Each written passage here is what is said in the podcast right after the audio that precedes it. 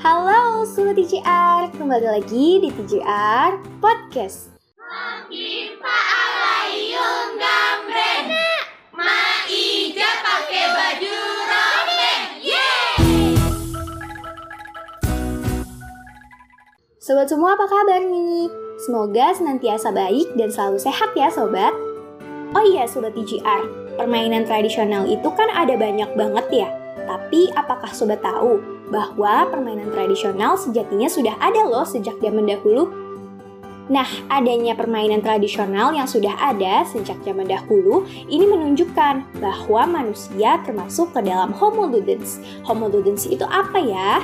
Homo ludens itu berarti manusia merupakan seorang pemain yang memainkan permainan. Di Indonesia sendiri yang kaya akan berbagai macam kebudayaan, telah ditemukan adanya catatan etnografi seperti tata busana, seni jalanan, dan termasuk permainan tradisional yang ditulis dalam naskah Jawa. Sobat DJR, penasaran nggak? Permainan tradisional apa aja ya yang ada di naskah itu? Atau Sobat DJR penasaran nggak? Permainan tradisional itu ada pada naskah apa aja ya? Nah, harus didengerin sampai habis ya Sobat. Naskah kuno yang berkaitan dengan permainan tradisional didasarkan pada naskah koleksi Perpustakaan Nasional Republik Indonesia berkode KBG 926, 927, dan juga 928.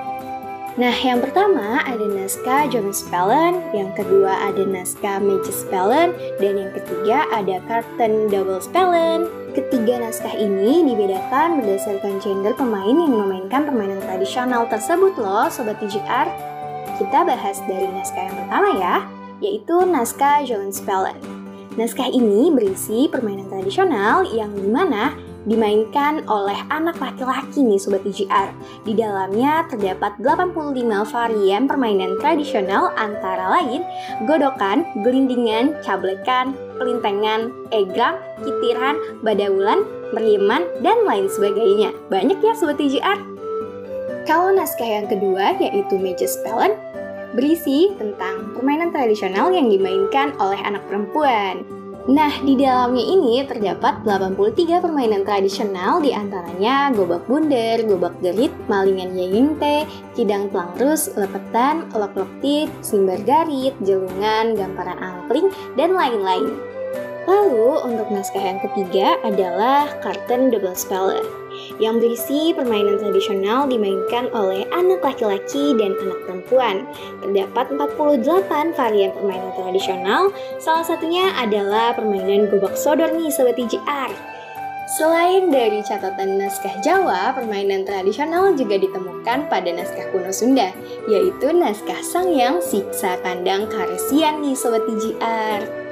Pada naskah ini dijelaskan bahwa permainan tradisional sangat penting kala itu dan banyak diperkenalkan oleh hempul atau staf kerajaan loh. Permainan tradisional yang terdapat dalam naskah tersebut juga banyak didukung oleh kakawihan atau nyanyian, misalnya seperti babalongan. Tapi sayang seribu sayang nih Sobat TJR, permainan tradisional yang terdapat dalam naskah tersebut sudah banyak yang hilang dan juga tidak dapat dikenali lagi. Sedih banget ya Sobat TJR. Oh iya Sobat TJR, permainan tradisional juga terdapat dalam beberapa bacaan anak tempo dulu loh. Seperti dalam buku berbahasa Sunda yang berjudul Rusdi Jeng buku Sumber Arum, dan juga buku Taman Pamekar. Dalam ketiga buku tersebut, permainan tradisional dekat sekali dengan kehidupan sehari-hari yang banyak mengandung nilai moral yang ditujukan untuk anak-anak yang memainkan permainan tersebut. Permainannya ada apa aja? Permainannya ada tokecang, ngadu kasir, ucing-ucingan, alung boyong, dan lain-lain.